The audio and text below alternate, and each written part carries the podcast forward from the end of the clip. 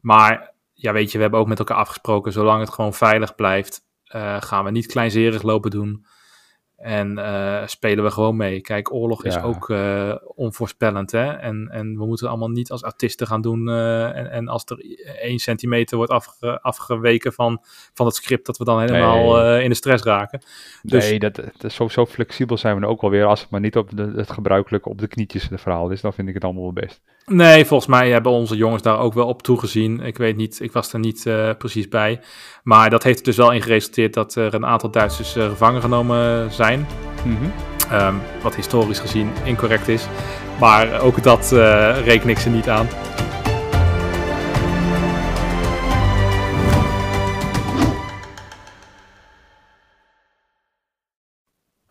Hallo en welkom bij een nieuwe aflevering van de Dutch Reenactor podcast. In deze aflevering wederom een review. En dit keer van een wat kleiner evenement waar die volksrendieren aan heeft meegedaan vorig weekend. En vorig weekend is gezien vanaf het moment van de publicatie van deze aflevering. Dus als je over vier weken nog een keertje luistert, ja, dan was het niet vorige week, nee. Ja, ik zeg er even een datum bij. Dat was op 18 september, zondag 18 september. Mm -hmm. En toen hebben wij uh, meegedaan aan het naspelen van de Waalcrossing in Nijmegen. En zo dadelijk vertel ik alles daarover. Bjorn was er helaas niet bij, maar... Nee. nu eerst even de verplichte zaak in deze inleiding afronden. Uh, mijn naam is Ravel en ik presenteer deze podcast samen met Bjorn. Je hoorde hem net al. Ja, en dan ben ik nog een keer op. En dan ga je nog vaker horen deze, deze aflevering. Hoe? Ja, dat hopen we, hè? dat het niet een uh, monoloog gaat worden. nou, ja, nou, ja. maak de disclaimer maar af. ja, eerst de disclaimer inderdaad. In deze podcast doen wij afstand van elke associatie met fascisme of soortgelijke organisaties en verkondigen wij alleen onze eigen mening en niet per se die van onze vereniging of werkgroep. De mededelingen. Ja, nou dat is uh, lekker snel. Uh, tenzij je nog iets kunt verzinnen op dit moment, maar ik heb er geen. Nee, er was één opmerking, één vraag van uh, een naamgenoot van jou. die vroeg of wij naar Brielen gaan volgend jaar. Oh, ja, dat is een goede vraag. Ja, die heb ik doorverwezen naar de ingelaste aflevering Commotie in Brielen. Ja, ja. En ik denk dat dat, tenzij zij van plan zijn om wat te veranderen, dan wordt dat nee. Ja, en ik hoop nog altijd dat ze contact met ons opnemen over de brief die wij gestuurd hebben. Hmm. En ons uitnodigingsverzoek om in de podcast te komen. Ja. Dat laatste hoeft niet per se trouwens, maar dat eerste wel. We willen in ieder geval met ze praten. Ja, precies, om te kijken of we er wat van kunnen maken. Maar goed, ik weet niet of ze luisteren. We zien het al. Ik denk het niet. Nee, maar goed, maakt niet uit. Hoe dan ook. We gaan naar uh, de Waalcrossing. Mm -hmm, want, dat zei je net al, ik was er niet bij. En ik heb al van alles en nog wat gehoord. Dus ik zou zeggen, waarom hebben wij de Waalcrossing gedaan? Waarom is de Waalcrossing op 18 september? Ja, ik ga eerst eventjes kort vertellen wat er gebeurd is uh, bij die mm -hmm. Niet al te uitgebreid, uh, want het verhaal staat uitgebreid uh, op internet beschreven. En daar is mm -hmm. deze podcast niet voor bedoeld. Nee. Maar wat ik wel interessant vind, is vooral de rol die het, het Duitse leger uh, daarin had. Um, dus ik zal wel eventjes bij het begin beginnen. Ja. Um, de Waalcrossing vond wel plaats tijdens Operation Market Garden in 1944. En ja, de geallieerden die hadden natuurlijk als doel om zo snel mogelijk alle bruggen op de route naar Arnhem te veroveren. En het, het echte doel was natuurlijk dat ze dan uiteindelijk konden doorstoten naar uh, het Roergebied in Duitsland. Ja. En een van die bruggen die, daar, die zij daar tegenkwamen was de brug uh, bij Nijmegen over de Waal. En um, ja, die konden ze niet snel genoeg veroveren. Dat duurde allemaal te lang. En toen is het gedurfde plan van de Waalcrossing ontstaan. En dat is ja. uh, was, was heel kort samengevat. Niet, niet bij de brug die, die nu op de, op de achtergrond op de foto staat, hè? Ja, dat ligt eraan van welke kant de foto's gemaakt zijn natuurlijk. Ja, klopt. Uh, la, laat ik het zo zeggen, de, de brug waar wij direct naast uh, de Waalcrossing hebben gedaan, mm -hmm. dat is een moderne brug die ja. uh, pas kort daar, daar ligt. Um, wel overigens de echte plek waar het heeft plaatsgevonden, die crossing. Ja, alleen wel, dus ze hebben daar nu, want kijk, ik heb gewerkt voor Spanbeton. En die hebben daar een hele mooie loopbrug ook gemaakt, een stukje verderop. Die helemaal ook ja. bij hoogwater onder water komt te staan. Bij de Spiegelwaal. Ja, klopt. En dat is allemaal een stuk nieuw aangelegd. Uh, leg een stukje, stukje zand om dat juist uh, als, uh, ja, ik wil niet zeggen uit te waarden, maar als extra opvang voor water in de, in de waal te, te dienen. Ja, Goed. want die spiegelwaal, die was er dus in de jaren 40 nog niet. Nee. nee. Um, ja, even voor de beeldvorming, dat zijn natuurlijk podcastluisteraars hier. Mhm. Eh, het houdt in dat er een soort van eilandje in de Waal is ontstaan. En aan de zuidkant stroomt dan de Waal en aan de noordkant van dat eilandje stroomt dan wat ze noemen de Spiegelwaal. Ja, en die is aan één kant afgesloten. Ja, dus ehm, nee, wat dat betreft kan de, kan de Waalcrossing niet helemaal meer realistisch nagespeeld worden, want eh, het terrein is in die zin iets eh, veranderd. Eh, maar om even verder te gaan met het verhaal van de Waalcrossing Ja, op precies. eh, 20 september, dus eigenlijk twee dagen later dan dat wij hem nagespeeld hebben. Eh 20 september 1944 om drie uur in de middag vond die oversteek plaats met onderdelen van de 82nd Airborne Division. En ruim 260 Amerikanen namen deel aan die oversteek en de he- helft daarvan sneuvelde of raakte gewond. Zo, Dat is eh, aanzienlijk. Ja, het was een gedurfde aanval en ehm, ja, ook wel noodzakelijk, want ze kwamen gewoon niet meer verder bij die brug. nee. En dat is dus ook waar de Duitsers dan in beeld komen. Die schoten natuurlijk met alles wat ze hadden op die overstekers, eh, Ja, zodra ze dat ontdekten. Ja, ja, ja. En de Duitse eenheden op de noordoever van de Waal, die waren onderdeel van uh, kampgroepen Henke. En deze hadden op de landingsgronden slechts enkele eenheden, verdeeld over twee outposts. Ja, Mhm. buitenposten zou je dat in het Nederlands vertalen. Ik vind dat een beetje raar klinken, maar Ja, dat is, is- ik weet, god, hoe heet het ook weer in Duits? Nou, maakt niet uit, daar komen we nog wat misschien op. Ja, maar die zaten daar dus eh, in de minderheid omdat eh, ja, het Duitse leger daar dacht dat het grootste gevaar van de brug zelf af zou komen. Logisch. Nou, dat was dus eh, in, dit, in dit geval ging dat anders. En die Duitse eenheden daar die bestonden uit andere opleidingseenheden. Enkele Fallschirmjägers, wat Rijksarbeidsdienst pioniers, eenheden van de vlakbatterij Beck en eenheden van de Ersatzbataljon 6 en onderdelen van de SS-kampgroep Reinhold. Mhm. Eh, dus al met al een bij elkaar geraapt zooitje. En ook nog eens bestaande uit eh 16-jarige soldaten en 60-jarige soldaten. Die eh, dus voorheen uitgesloten waren van de dienstplicht. En ja, zoals te verwachten waren de Duitsers totaal niet voorbereid op die waalkosting. Eh, of ze waren niet geschikt om de aanval af te slaan en hadden ook niet voldoende munitie. Mhm. En ze werden dan ook onder de voet gelopen. Ja. En ja, de reden dat ik dit ook een beetje vertel is het, het Duitse deel van het verhaal. Want wij hebben er van tevoren wel een beetje naar gekeken van hoe is dat nou precies gegaan. Maar dat Duitse deel dat is niet zo goed eh, belicht als het Amerikaanse verhaal eigenlijk. Dat is moeilijk om daar achter te komen. Ja, Op zich logisch, want het is natuurlijk een enorme puinhoop in die periode. Want eh, met al die, eh, die, die, ja, die, kleine kampgroepes met allemaal bij elkaar geraapte eenheden. Nou dat, je inderdaad. Ja, ja want je, je hebt het nu dus over kampgroepen Henke, over kampgroepen Reinhold. Eh, nou ja, wat jij zegt, dat, dat zijn gewoon bij elkaar geraapte zoortjes van, van alles en nog wat. Ehm, maar er zat dus ook een Ersatzbataljon 6 bij, een eh, Ja. heeraanwezigheid. Dus ehm, het feit dat wij daar waren hè, als die volksrenadieren met onze infanterieuitbeelding is misschien niet 100% eh, representatief, maar ook niet totaal farp, om het zo maar te zeggen. Gezien, het, gezien het hiervoor genoemde. het, het, het kan er nog net binnen, maar dat is sowieso rondom Arnhem is dat altijd heel lastig. Ja, En SS is natuurlijk, kunnen wij sowieso niet doen, willen we ook niet doen. Nee, Nee, precies. Ehm hebben we wel in Nederland. Nou, Rijksarbeidsdienst is ook natuurlijk iets wat in Nederland niet gedaan wordt. En vlakbatterij, ja, daar, daar hebben we ook nog wel wat mensen van, van. Dus als het echt zou moeten, dan denk ik dat we wel nog een gemeleerd gezelschap bij elkaar zouden kunnen krijgen. Ehm, maar desondanks eh, vond ik het zo ook wel prima hoor. Ja, bedoel, is, eh, nou ja, dat, dat hangt er vanaf hoe het allemaal gelopen is. Hè? Ik bedoel, je kunt er de meest gekke dingen daar gaan verzinnen, maar eh, eh, het gaat ook om de tijdspannen waarin je bezig bent.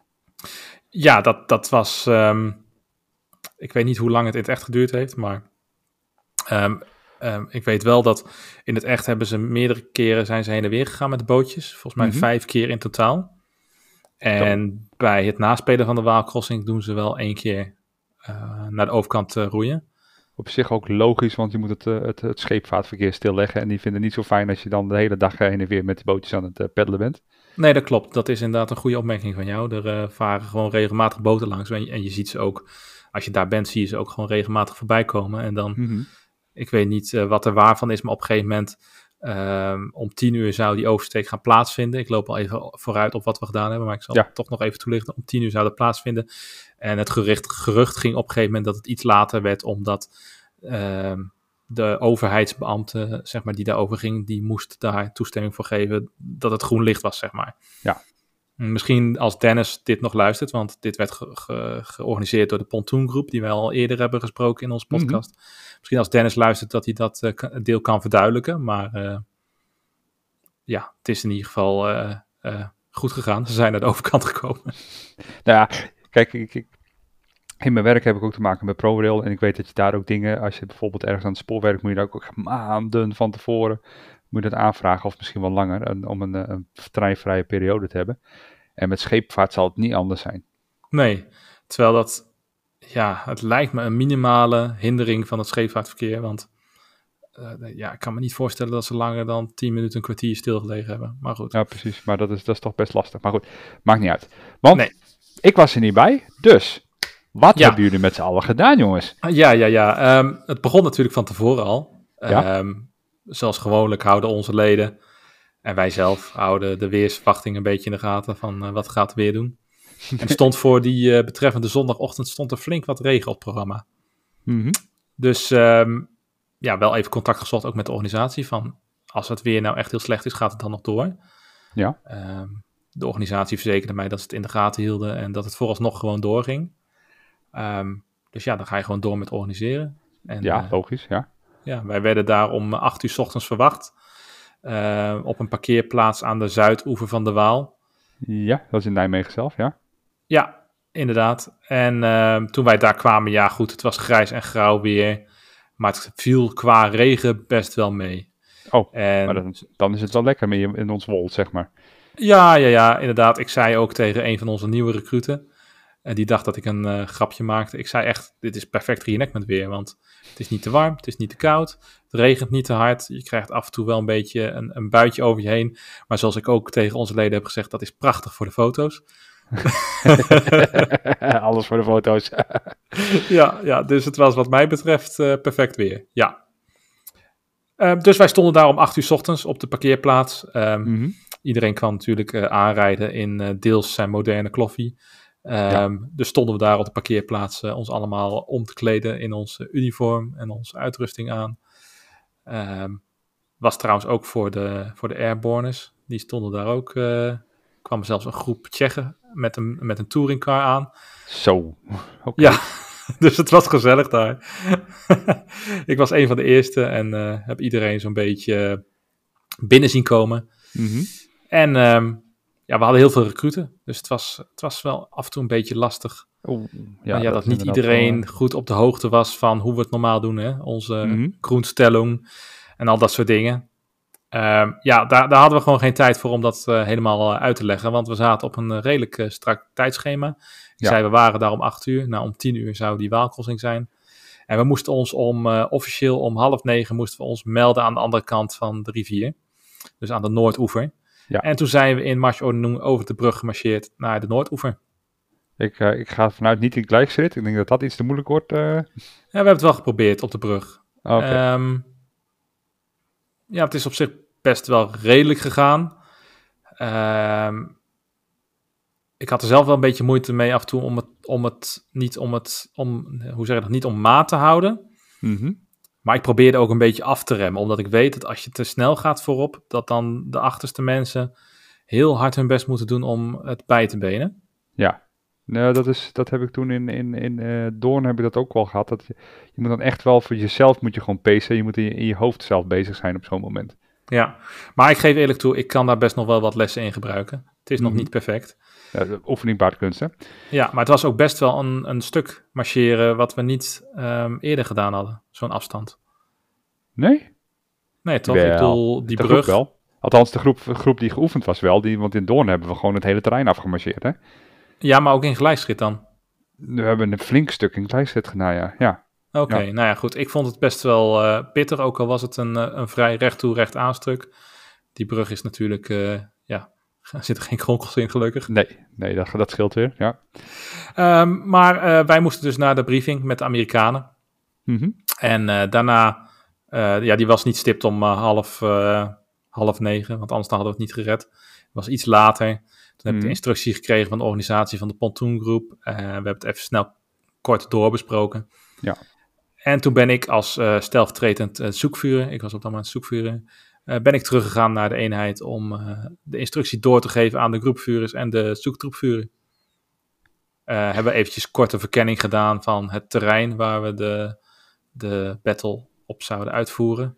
Mhm. En opnieuw alles even doorbesproken. Nou, die groepenvuurders die hebben het dan doorgekregen. En die instrueren op hun beurt dan weer eh, de eenheden.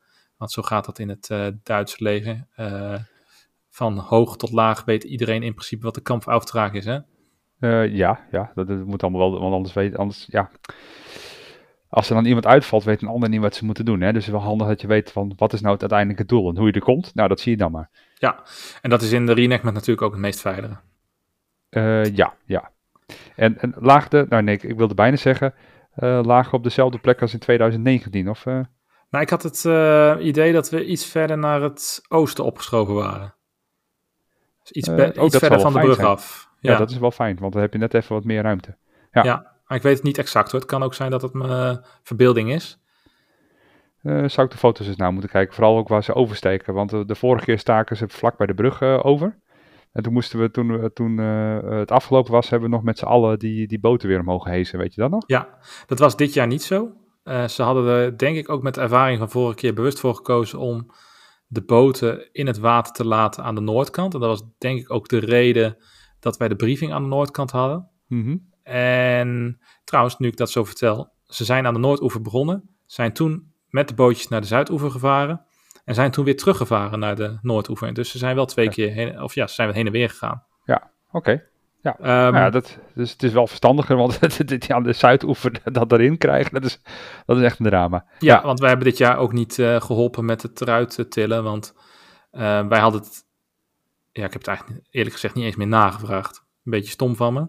Maar we hadden het idee dat die nu wat makkelijker uit het water gehaald konden worden. Ik, ik meende gezien te hebben dat daar nog een vrachtwagen stond met een kraan. Ja, dat zeker. Ja, dat was ook bij de briefing, eh, was die ook aanwezig. Eh, die stond er inderdaad gewoon. Ehm, ja, en wat betreft onze eenheid, eh, die bestond uit eh 15 eh volksgrendieren Mhm. en nog drie manschappen van die frontcampers. Dat is een, andere, een andere werkgroep. En nog één iemand die normaal gesproken in België reenact. Oh. Dus wij hadden ook een kleine samenwerking. Is heel goed gegaan, is leuk geweest. En ja, die zijn volgende keer weer welkom wat mij betreft. Ja, nou ja, oké. En, en dan natuurlijk het allerbelangrijkste van, eh, van eh, hebben jullie er nog ingegraven net als vorige keer of niet? Nee, ehm, Oké. Want het idee was ook dat de Duitsers verrast waren hè, over die waalcrossing. Die hadden ze niet aanzien komen. Dus ook in het ja. verhaal wat ik net een beetje verteld heb. alle verdediging van de Duitsers was gericht op die brug. En er waren Ja. twee, twee stoetspunten. Misschien was, was dat het juiste, wo- juiste woord. Van kampgroepen Henke. Ja. En, en die waren, ja, die, die hadden dat niet aanzien komen. Ehm, natuurlijk waren ze bij die, die stoetspunten wel eh, ingegraven, maar wat verder op de oever niet. Ehm, ja, omdat het verhaal dus niet zo duidelijk is, weet ik niet echt of ze ook daar op de oever gevochten hebben. Ik weet op de dijk stond ook nog een 88 mm. Nou ja, in Hmm. ieder geval, ik, in overleg ook met de organisatie leek mij ingraven op dat moment niet realistisch. Dus we hebben afgesproken dat eh, ik als Duitse commandant de crossers ongeveer halverwege tot de Waal zou laten komen. Mhm. En dat we dan alarm zouden slaan en dan eh, ja, posities in zouden nemen, shootseketten enzovoort. Ja. Ja, dat gebruikelijk. En dan de, de groepen echt helemaal uit elkaar laten waaien. En als het goed is ook een beetje ruimte tussen alles houden. Dat je een Ja. breed front kunt op bestrijken. Ja, inderdaad. Het uh, de battleterrein was wel afgezet met uh, lint. Ik denk uh, voor de veiligheid ook. Dat, dat is ook een verplichting volgens mij. Uh, althans, dat hebben we toen in, in wat we vorige keer over Rotterdam spraken. Stond het daar ook expliciet in de, in de vergunning. Ja. Dus ik denk dat, dat we dat vaker gaan zien. Maar goed, uh, ja. Ja, dat is niet anders. Maar dat beperkt inderdaad wel de breedte van het uh, battleterrein een beetje. Mm-hmm. Desalniettemin kon ik met het aantal manschappen wat wij hadden, kon ik een volledige, uh, twee volledige shootseketters met een zoektroep in het midden, konden wij uitbeelden. Met vijf um, meter ruimte ertussen. Nou, ik heb wel, als je, als je wat foto's ziet, dan zie je wel dat sommige mensen een beetje op elkaar liggen. Um, ja, moet je wel, ja, en moet je ook wel een beetje onderscheid maken tussen de MG-schutters natuurlijk, die altijd ja. een MG-schutter 2 naast zich hebben. Ja, en, en, en de groepvuurder, ja. En de groepvuurder die daar ook bovenop ligt, omdat die uh, uh, ja, vuurleiding in principe moet geven aan het MG. Mm -hmm. um, dus ja, er zaten wel wat mensen bovenop elkaar. Maar ik had het idee dat de geweerschutters wel enigszins gewoon uh, uitgespreid waren. Ja, dat, is, dat zie je met onervaren mensen, zie je vaak dat ze allemaal als een bloppen bij elkaar gaan liggen. uh, dat was wel aan de Amerikaanse zijde zo. ja, goed, ik moet mijn mond dicht houden. nou, die, die, die kwamen natuurlijk aan land. Um, mm -hmm. Het was inmiddels iets over tienen, hè, dus die, die waren de rivier overgekomen en die kwamen op een gegeven moment aan land. En dat gebeurde, um, ja, ik kan het niet goed omschrijven, maar je hebt twee van die, van die uitstulpingen in de, in de ja, Waal. Kribben. kribben. Ja, heet dat zo? Dat weet ik ja, niet. dat zijn kribben. Ja. Oké, okay. nou goed, twee dus van die uitstoppingen die jij kribben noemt. Um, en, en, en de landingen, zeg maar, die ze uitvoerden, die, die kwamen allemaal terecht um, tegen een van die kribben aan. En ik okay. weet niet of dat met de stroming te maken had, of dat het andere reden heeft, of wat dan ook. Maar goed, die kwamen daar eruit en, en die bleven daar een beetje in gamerstermen blobben. Oké. ja, ja, dus ik ja. probeerde daar mijn, uh, mijn rechterflank een beetje op aan te passen. Um, wat ja, misschien niet helemaal realistisch was, want dat betekende dat ze iets moesten oprukken en daarna weer terug moesten trekken. Maar goed, uh, je probeert er natuurlijk toch een leuk spel van te maken. Uh, ja, wat ook voor het weinige publiek wat er was, uh, er realistisch uitziet. En ik denk dat zeggen, ze moeten, ze, moeten, ze moeten heel erg blij zijn dat er geen handgranaten in het spel waren. Dat denk ik wel, ja. ja, ja. en geen artillerie inderdaad. Ja. Maar goed, ja, dat, dat soort dingen gebeuren. Hè. Dat, je niks aan. kunst, hè? Dat zeg ik dus net inderdaad. al. En, en in dit geval, we hebben dat toen meegemaakt in Nijswiller. En ook dus nu hier weer hier. Als je maar genoeg oefent, dan krijg je dus een realistische, realistische frontlinie die je opstelt. Waarbij je dus ook bewust bent van, hé, hey, we moet, ik moet niet bij mijn mijn beste vriend van de reenactment is oorlopen hijgen. Ja, maar dat is uh, ook moeilijk als je natuurlijk net die boot uitkomt. Ja, klopt, klopt. Dus ik snap ja. wel dat, ja, dat je misschien andere dingen aan je hoofd hebt. En, maar ja, daar, wat je zegt, daar leer je dan inderdaad weer van. Precies. Al met al, er was een Amerikaanse overmacht. Dus langzaam maar zeker werd onze eenheid toch terugdrongen.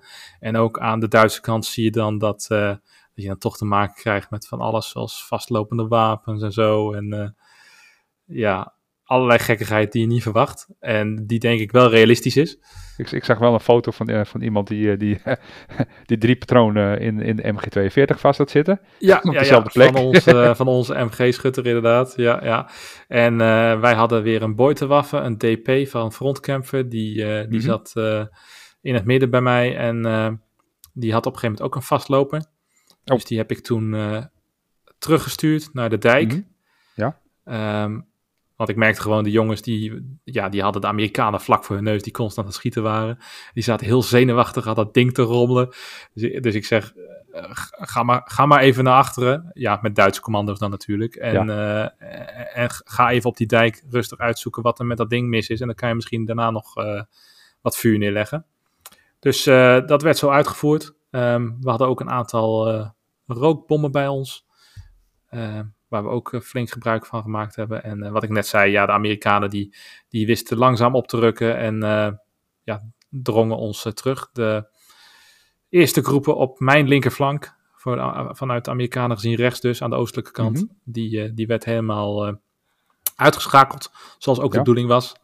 En mijn rechterflank voor de Amerikanen, dus de linkerflank, ja, die werden teruggedreven en die werden uiteindelijk toch ook gevangen genomen was niet helemaal de oh. bedoeling.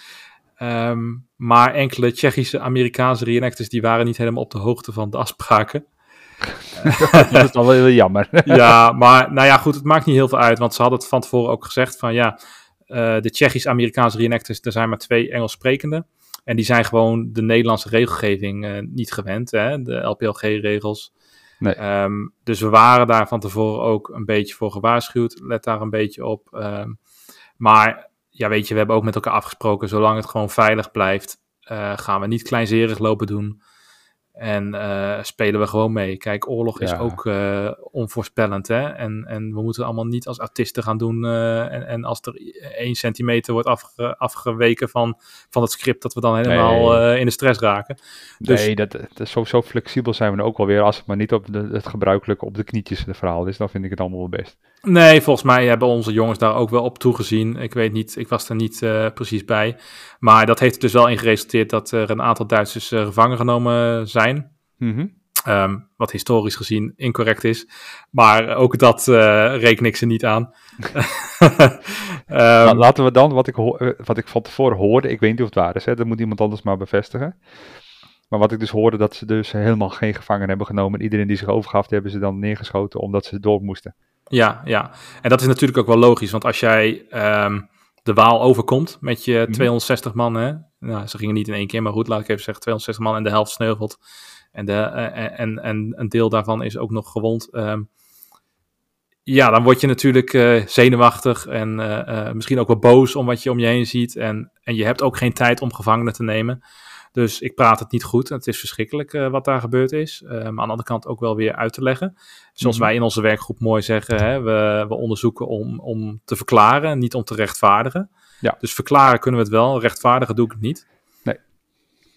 Um, maar wat ik zeg, al met al uh, is het niet storend geweest in het spel. Er zijn geen onveilige Oeh. situaties geweest. Nou, dus er was voor mij ook geen noodzaak om, uh, om uh, zielig te gaan lopen doen. Zo noem ik dat maar altijd. Um, kijk, ik vind de LPLG-regels en de veiligheid natuurlijk belangrijk.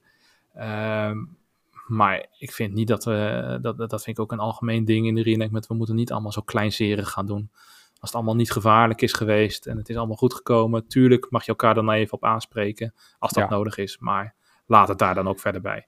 Ja, en ik denk ook dat, en ook daarvoor geldt weer, en in, in dit geval is, geef je inderdaad aan, dit zijn onervaren mensen, dus het risico wat groter. Als je mensen gewoon goed opleidt en die laat je gewoon ook op, op en daarom zijn trainingsevenementen ook voor geallieerden heel belangrijk. Um, als je ze gewoon goed opleidt, dan, dan, dan is de kans ook minimaal. Dan verklaar je Ja. het al. Inderdaad. En dat is Goed, natuurlijk voor ja. de Tsjechen iets anders, want die Precies. hebben totaal met andere regels te maken. Ehm, dus ik snap wel dat als je in een vreemd land aan het reenact bent, dat je dan niet helemaal op de hoogte bent eh, van de regels. Dus eh, nogmaals, eh, geen schade opgelopen, geen veiligheidsissues en het is allemaal goed gekomen. Nou, mooi. Ehm, Nou. Verder, ik ben nog geïnterviewd door, Oh, door SBS6 Hart, Hart van Nederland. Ja, ik, ik, ik, ik heb het gezien. Ik heb het gezien, want volgens mij eh, heb je het eh, nu ook op, eh, op de, ons YouTube-kanaal gezet. Ha, Ja, inderdaad. Ik heb het eh, fragment waar eh, wij als Duitsers in voorkomen, heb ik eh, eruit geknipt en eh, dat op ons YouTube-kanaal gezet, inderdaad. Oké. Ja. En ehm, ik spreek daar natuurlijk eh, namens de groep. Mhm. Ehm, maar het interview was eigenlijk wat langer en ze hebben de deeltjes uitgeknipt, wat ik natuurlijk ook wel snap. eh, ja. ja. Ze gaan niet eh, alles van wat ik zeg eh, allemaal wel heel breed uitmeten. Ik heb een item van vijf minuten en we laten daar een kwartier de Duitser aan het woord. Ehm, ik teken er wel voor. Als ze dat willen, ik, eh, ik stel mezelf nog steeds ter beschikking. ja, maar kijk, dat is, dat, de communicatie doen, doen ook de, jij en ik wat dat betreft binnen de... En, en natuurlijk de andere kaderleden voor, voor als er iemand Ja. van de pers komt. Het is inderdaad binnen onze werkgroep aan bepaalde functies voorbehouden. Mhm. Juist omdat het een zo gevoelig iets is. Ehm, voordat je het weet. Kijk, dat, er, dat ervoer ik ook toen die camera op mij gericht werd. Ik wist niet meer wie ik was. Ik wist niet meer waar ik was. Ik wist niet meer wat ik deed. bij wijze van spreken. Ehm, je vergeet even alles. En voordat je het weet zeg je iets verkeerd. Ja. Is in dit geval gelukkig niet gebeurd. Maar ehm, het is gewoon heel anders. Ook al hebben wij podcastervaring. Hè? D- d- Ik denk dat dat er wel aan meewerkt. Maar zelfs dan, als er een camera op je gericht wordt, dan eh, ja, ben je gewoon even, even iemand anders. En kun je niet 100% helder meer nadenken. Eh, dus niet voor niets bestaat de mediatraining, hè? Precies. Ja. Dus dat zijn altijd wel ehm, riskante dingen. Zeker als je een Duitse uitbeelding doet. En eh, Mhm. daarom zeggen wij ook tegen onze leden van... eh, verwijs maar door naar de mensen in functies. Want die hebben wel zeg maar, zodanig veel ervaring... dat ze in ieder geval daarop kunnen terugvallen. En de kans kleiner is dat ze verkeerde dingen zeggen. Precies. En dat Kijk, is niet dat wij eh, per se met onze gok eh, in beeld willen. Hoewel ik het wel stoer vind hoor, dat ik eh, geïnterviewd ben. Dat zeg ik gewoon eerlijk. Maar het, is, nee, het scheelt ook, want ik bedoel, jij hebt een bepaald beroep waar je toch met meer mensen in contact komt. En, en vaak is het wel zo dat de mensen die grenadieren zijn, die hebben A, minder ervaring in de hobby. En ehm, misschien ook minder ervaring met, met echt gewoon publiekelijk spreken. En dat is ook Ja. wel een dingetje. Ik dat klopt, ja. Dus uh, vandaar dat wij dat zo uh, ingeregeld hebben. En uh, ja, vandaag, of vandaag, van de week had ik prijs, mocht ik iets vertellen. nou, dan kijken of ik de volgende keer de camera te pakken kan krijgen. ja, ja, precies. Ja, nee, ja. grapje. Maar goed. Nee, maar dan zet en, ik hem even goed op YouTube natuurlijk, want... ja, maakt allemaal niet uit. maar vervolgens, toen wij klaar waren met de gevechten, ja, dan, dan gebeurt het gebruikelijke. Hè? Dan ga je oplijnen, kijken of alle wapens veilig zijn, controle. Mm -hmm. En uh, vervolgens uh, munitie rapen. Oh, ja. ja. Dat hoort er ook bij, ja. ja en, en ik zag foto's voorbij komen dat jullie nog met iemand, uh, toe, door iemand toegesproken werden. Ja, ja. en um, in 2019 was het toen voorbij, hè? In 2019 toen, toen bleven wij liggen. Ja. Toen verdwenen de Amerikaanse, de reenactors en de, de, de mensen van de 82nd Airborne, die verdwenen van het veld. Die gingen naar het monument toe.